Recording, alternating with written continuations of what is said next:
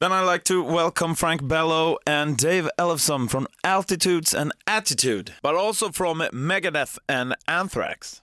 How are you? Hello, hello. I'm good. Good morning. Good morning. After a late night. yeah, yeah, and it's funny because I was with you guys backstage after this. You played uh, and Slash played Yeah. uh, backstage, and and we talked about you joining here, and here you are. Yes, and thank you for having us. Yeah, we're trying to promote this this whole um, rock record that we have out uh, called "Get It Out," and um, and thank you for having us and uh, just trying to get the word out that we have this really um, really fun record, uh, fun rock record that we did, David and I, um, and we're promoting it around the world right now. We're on tour with Slash. Yeah. Uh, played last night. Great crowd. We had a wonderful, great crowd last night for the show, and um, we're just going around the around the globe right now and just keep keep moving on. Yeah, I've listened to the album uh, Get It Out. It was released uh, last month. We're gonna get into that more uh, later on, but first, I'm wondering how come two bass players from the thrash metal's Big Four joined up and, and formed this? Is it a project? I don't like calling things projects. A band? Yeah, Was it, that- it, it is a band. It's it's you know I think everything probably starts as a project. You know, it's like it's like going into the kitchen. I'm hungry. Well, let's start a little project and make some lunch. You and know? then if it takes And then- something, if people start to like it, then it becomes a band. That's exactly, usually what happens. yes. So now it's a band. So people are liking it. So okay, now it's a band. Well, I think, and I- plus after five years, you're either legit or you break up. You know, yeah. so uh, and fortunately, me and Frank have been working covertly uh, under off the radar over at uh, the studio in L.A. for the last five years. But I guess we, you know, I think kind of where we we felt it, it had some validity and and that people liked it is back in 2014 we put out a little three song EP. Yeah, EP. Yeah. Yeah, and that and when that came out, people are like, "Wow! Like we never saw this coming. We certainly didn't expect this from you guys." But you know what? We really like this. This is cool, and I think that fueled our passion to you know to keep going. Because again, you can say, "Oh, I don't care. I just make music because I like it," and that that there's always that. But you know, it's nice to be validated, and it's always more comforting when your fans approve, you know, and say, "Yeah, we like this." yeah, And, what, what we're finding about Megadeth and Anthrax fans are taking it and, and enjoying it, which is really the biggest compliment that because we worked hard to get this fan base and to be we're fans at the at the end of the day and and just because we're we're writing as fans too, so just to connect with them on that level too, it means the world that uh, you know to us because it, all we want to do is just write good songs and connect with people. That and that seems to be happening now. Yeah. But do you remember the day when you actually looked at each other and like, "Hey, man, let's let's let's make some music." Yeah, I, I remember specifically where it was. We were doing, um, we were on the Big Four uh, back in 2010 and 11, and I think it was uh, in 2010. I'm not, I, may- I forgot. It was- Maybe it was actually 11. Yeah, was we played Knebworth, um, and the night before, um, we were doing some dual bass clinics uh, for our amp company, Hartke. And even that was pretty unfounded because I remember growing up as a kid, the jazz musicians get all the clinics because they were the respected players. And then all of a sudden, we came to this this period of time uh, right around the Big Four, where all of a sudden these these music companies were looking to our genre, the thrash metal guys, because we had such dedicated fans. There are also a lot of our fans are musicians. Um, and they found, I think, that, you know, by our endorsement on a product, like we actually create a sell through at the music store for a fan to buy a guitar, an amp, a string, whatever. Um, so they put me and Frank out doing these dual bass clinics. And, you know, usually it's guitar players that, you know, kind of do a lot Yeah. of maybe drummers. Bass players, very kind of unheard of. And the two of us together, I mean, the places were packed. Um, and I, and I, you know, Frank would come out and play along to some Anthrax songs, and I'd play along to some Megadeth CDs, you know. And, and I just said to him, I said, you know, we should probably write something together if we're going to keep doing these clinics. If nothing else, just some, some backing track that we can, do, you know, noodle some bass licks over. And that was kind of the, the I think, the initial, you know, sort of, you know, invitation to both of us to start doing it. And um, but it was interesting because I don't know, I guess maybe within a year we started sending some ideas back and forth. And what I thought was cool was Frank sent finished songs, the, the two being "Booze and Cigarettes" and this other th- song "Tell the World."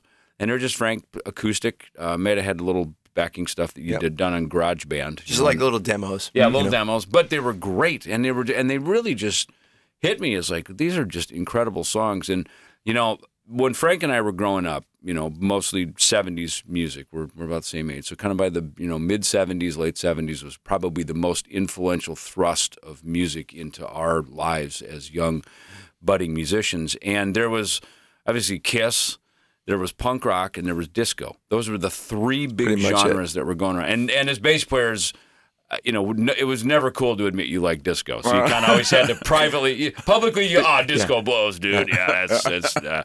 but I think as bass players, we would, dude, that's some great bass. Some playing." great bass playing. You have to yeah. tip your hat to that. It's true.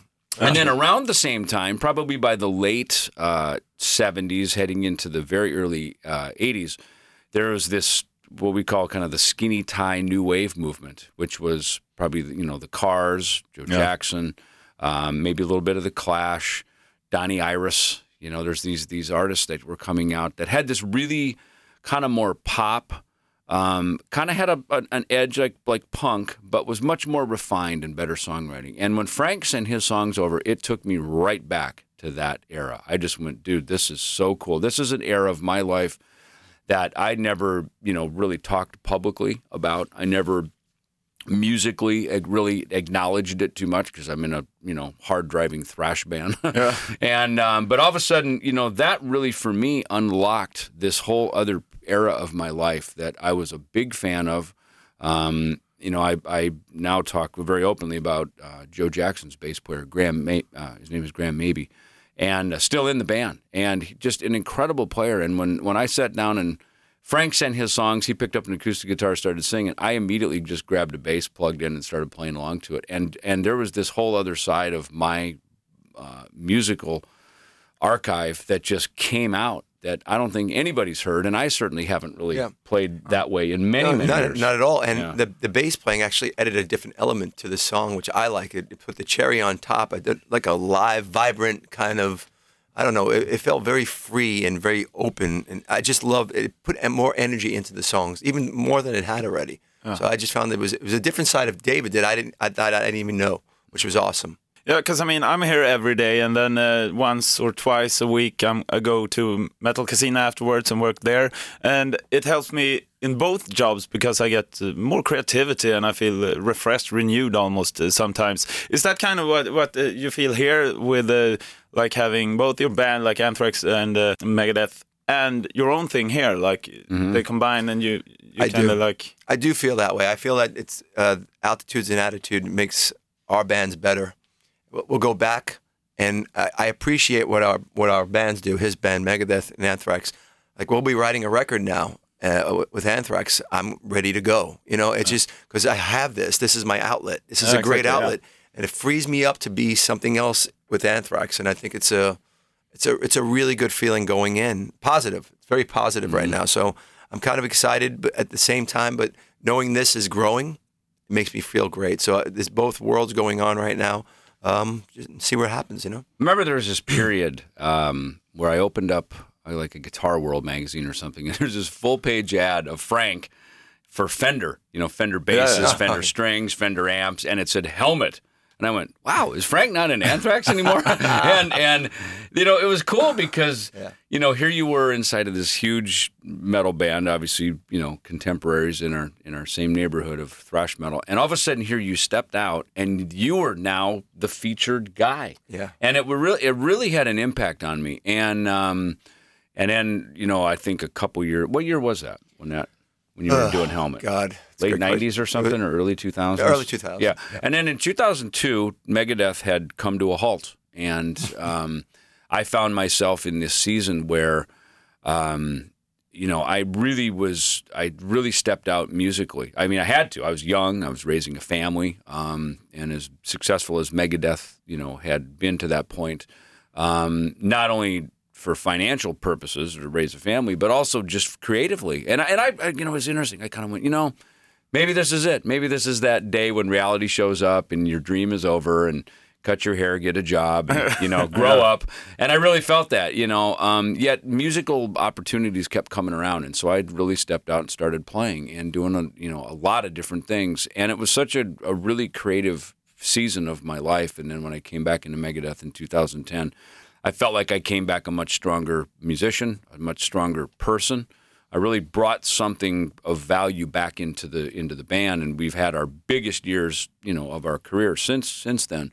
Um, just a big thrust. So you know, it's it's. I think for me, where I was in Megadeth for almost 20 years and never did anything outside of that. I mean, I co-wrote one song with Flotsam and Jetsam I think in, the, in the early 90s. I guess because they're my buddies, you know. But um, but you know, to now have these opportunities to do it, and I and I think probably for both of us, you know, we've been in bands that a couple in particular, obviously, who have been very successful, Anthrax, Megadeth. And we've also done some other things that maybe didn't have the big commercial success and all the media attention. Um, but I think they've been a lot of fun. But at some point, you realize, okay, this isn't going to get any legs. It's not. It doesn't have a future. So you have to kind of unhook and be away from it. And I think the thing that's cool with altitudes and attitude is is it it really is a passion and a labor of love, and it's being very well received and people like it. And it's and it um, i think there's a fun culture around it. And sometimes in bands um, you know there, there's sort of a culture that's defined early on very pretty much right away when these bands start. And like last night we're on stage and we invited uh, slash's bass player todd kerns to come out and and we played Detroit Rock City by Kiss, just uh. because we're all Kiss fans. Every one of every day, somebody either in the Slash camp or our camp shows up with a Kiss T-shirt on, right? Yeah, so yeah. we're just knuckleheads and fans, and and so just that kind of fun, you know, to be on stage as as you know respected professionals, but yet to just kind of go back and and dig into our record collection on stage and be fans in front of our fans is a is a wonderful thing that I think develops here with A and A, and it's very spontaneous. Um, we did an acoustic show the other day in Amsterdam, and it was just me and Frank sitting with acoustic guitars telling stories. And and oh yeah, I guess we should play a song, you know. Forget to play.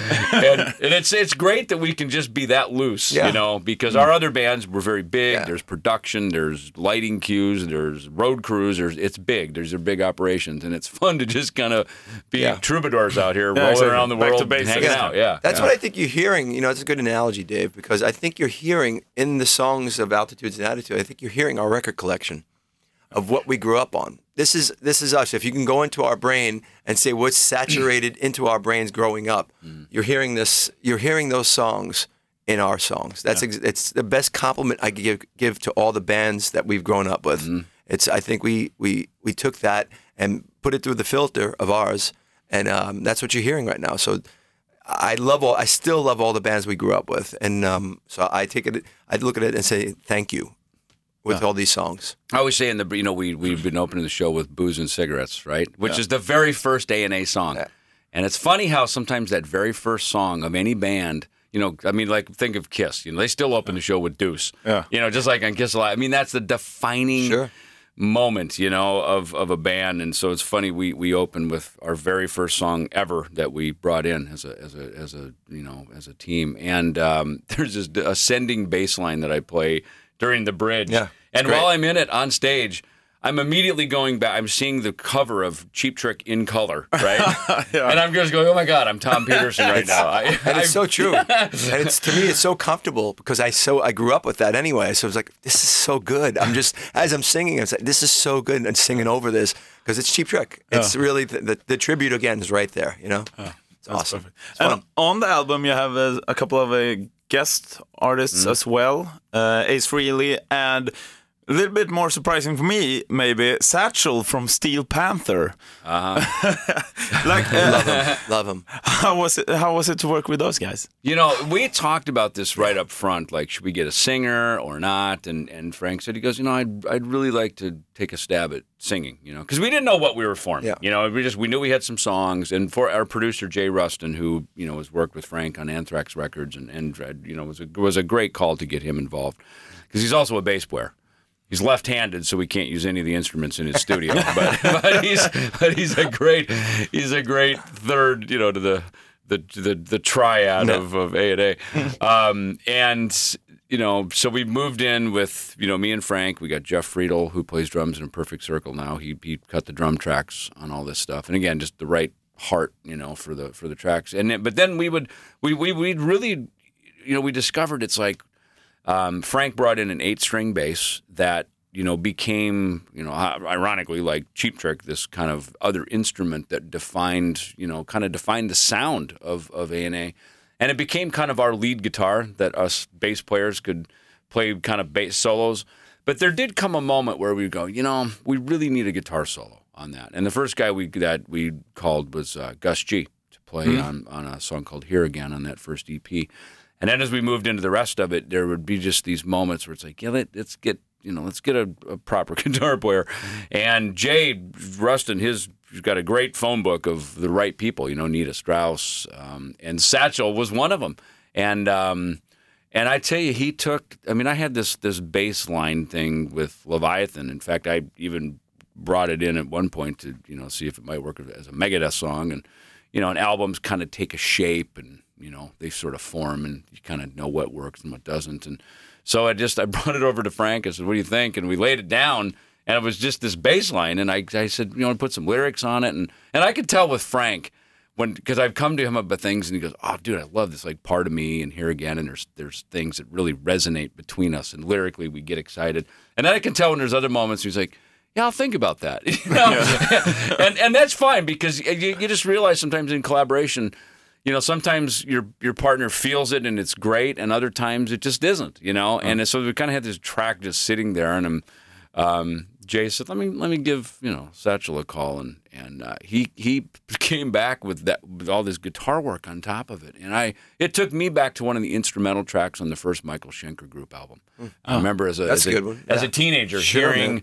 those songs, and I mean, here's Michael. I knew him from UFO, and I was got the solo album and just these incredible musical moments, and I just sat back and went, "Oh my God, this is friggin' awesome!" So thank you for not putting lyrics on it, by the way. Well, I- you know what's weird? Sometimes you just don't hear it, and you just. I just love the musical piece. I Mm-hmm. actually loved it as a musical piece, and I wanted it on the record as that. I told Jay that too. I said, Yeah. "This is just good. I don't want to ruin it or or, or put too much over it." To, to, to take away from how great it was, I just thought it was a beautiful music piece, and I'm I'm so happy we did because when Satchel came in and did what he did, his magic, uh, guitar work, because we can never do any of that stuff on guitar, and uh, I just thought it was a, the cherry on top. Just leave it alone, and that's got to be. And we, we love playing that thing every night. We we play it every night, and it goes over great. You know. Yeah, well, I can't have you uh, two guys here without talking coffee because you have a A and A coffee out now as well, right? Did we give you a bag last night? Did Yeah, you get yeah, one? yeah, okay, yeah, good. yeah. Okay, good. I just, re- you know, it's so funny that you know every time, you know, my wife's always like every time we go, some, you know, we need to bring some food or we need to bring flowers. I mean, you know, when you go to someone's house, Yeah. you don't want to show, be that guest that just shows up and eats the food and doesn't Uh, bring exactly. something. So I now am trained everywhere I go. I bring coffee. In fact, when I went to to go meet Slash. Um, back, I guess what October. Yeah. Um, we, we knew we had the, the timeline of putting out this this A and A album, and and Frank calls me one day. He goes, "Dude, Slash is going to be on tour, and that'd be kind of a cool fit, you know." So you know, look, he's going to be in Phoenix like next week. I'll run down and I'll see him. And, and on the way out the door, I'm like, "Oh, I got, got to get some coffee," you know. So I've always got bags of coffee laying around the house. Um, and so it's funny, me and Slash, we've been friends, you know, for many years since like the late '80s, and and um, our bands kind of grew up in Hollywood together, and so it was funny just to reconnect, you know, over coffee. He goes, dude, thank you, I love coffee. so it's like, okay, Coffee, so- coffee in the rock world, man, is very is, big. It's, yeah. a, it's a it's a give me. It's a like you know it's a, it's you, you kind of relate to it. You everybody relates to coffee. It's my rock and roll love language. You Yeah. know, I show up with coffee, and, and that that was part of the the thing that you know we decided to do. It's it's it's kind of a fun thing having that. It's like we can you know create labels and put out fun. Like we got a Skid Row. You know, they got to you got to have the right album title. Like you know, they got Slave to the Grind. It's Yeah, an great. awesome coffee. Of course. Yeah. You know, Autograph has a new album out called Get Off Your Ass. It's a good coffee. and same with us, Get It Out. You know what I mean? I mean, there's me and Frank on the cover screaming. I mean, it's the perfect morning coffee blend. It'll you know? get you going. Yeah. You've been touring a lot during the years. I'm wondering if there's like a memory that you have that that sticks out that's really funny or, or an awesome thing that happened during your career that you will always remember kind of. so many. Pick one. You know. If you could only hear the story he told us last night. Yeah, do that one. You know, he's got great stories with Metallica and Iron Maiden, and and uh, you know we both toured with a lot of the same bands, and it's just so funny. I mean, Frank's got funny, funny stories that I mean they just keep us just rolling. But unfortunately, probably not things we can talk about. We can't talk about it publicly. That's Yeah. the problem. Otherwise, I get in trouble. But there's a, I've been I've been around a few years, as you know, Oh. David and I. But uh, we have some great stories, and you know, if they the lawyers give me okay, okay to write it in a book one day, I'll I'll put it out, and uh, maybe I won't name the names. There you Yeah. go. This very famous person in this house. Yeah. John Doe. Yeah, John Doe. yeah. Because you have to be careful, you know, in this world right now. So um, the, fun, the the stories are fun and plentiful. And Frank, I know you've been in uh, Married with Children, right? Yeah, that Like, show. That was a show. bunch of years ago. And you know, it's funny. People still because it's al- it's always repeated that Yeah, show. yeah, it's yeah. In always Sweden, on. always yeah, also, And, you know. and that show specifically became one of their most popular shows. That specific episode we did. Oh. So I get a check for like a dollar thirty-two every.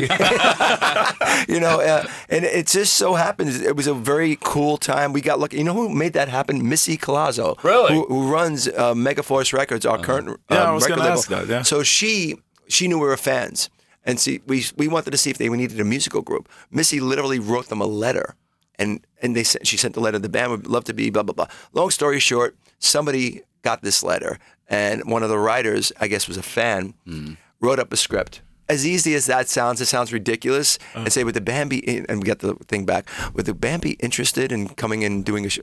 Yeah, we'll be right there, you know, whatever. And they sent this great script and great lines. You know, they actually gave the musicians funny lines. They worked on that.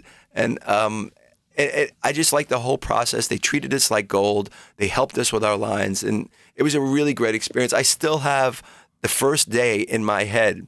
The first day and the last day of, in my head of showing up scared the hell out of because we were we were musicians going on Al. But we went in the ki- the living room of Al Bundy. I was sitting on the same couch. You know, they, they were. I was so nervous. I was like, what? and then I broke the phone.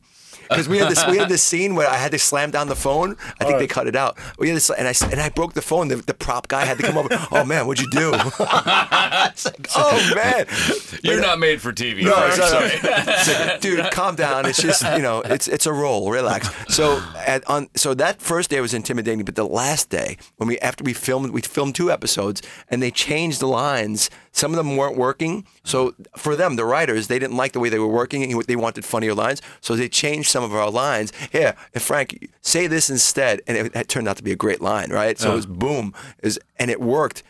My favorite part was that that night, the cast party, and they invited us over right next door at this bar and mm-hmm. grill, sitting with Al Bundy drinking and telling stories about like famous actors that he didn't like. It was so great growing, growing up. I can't mention the actors, but they're A-list actors, and he's saying, "Well, this one's a cheap fuck." You know, and he, he would just and he just there was one specific actor that he was like, this guy. I mean, we walked into, we had to bring our own booze. He didn't give us anything. No, ch- it was just a a great night of hanging. You know, so I, I remember those fondly. I still have them in my mind.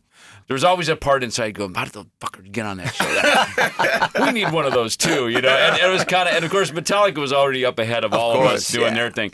So, but but it was very competitive, you know. That's why I think with the Big Four, like we weren't competitors anymore. We'd all been to the top of the mountain. We got to see the big scenery, and and so we got to just hang out as brothers and and and enjoy, you know, kind of celebrate our, our journey together. And and it's funny because somebody actually brought that up in an interview. Um, it said, so uh, many years ago, uh, you and Frank would have never been in a band together because your bands were competing against each other. And I thought, I think, God, you know, and I never thought of it like that.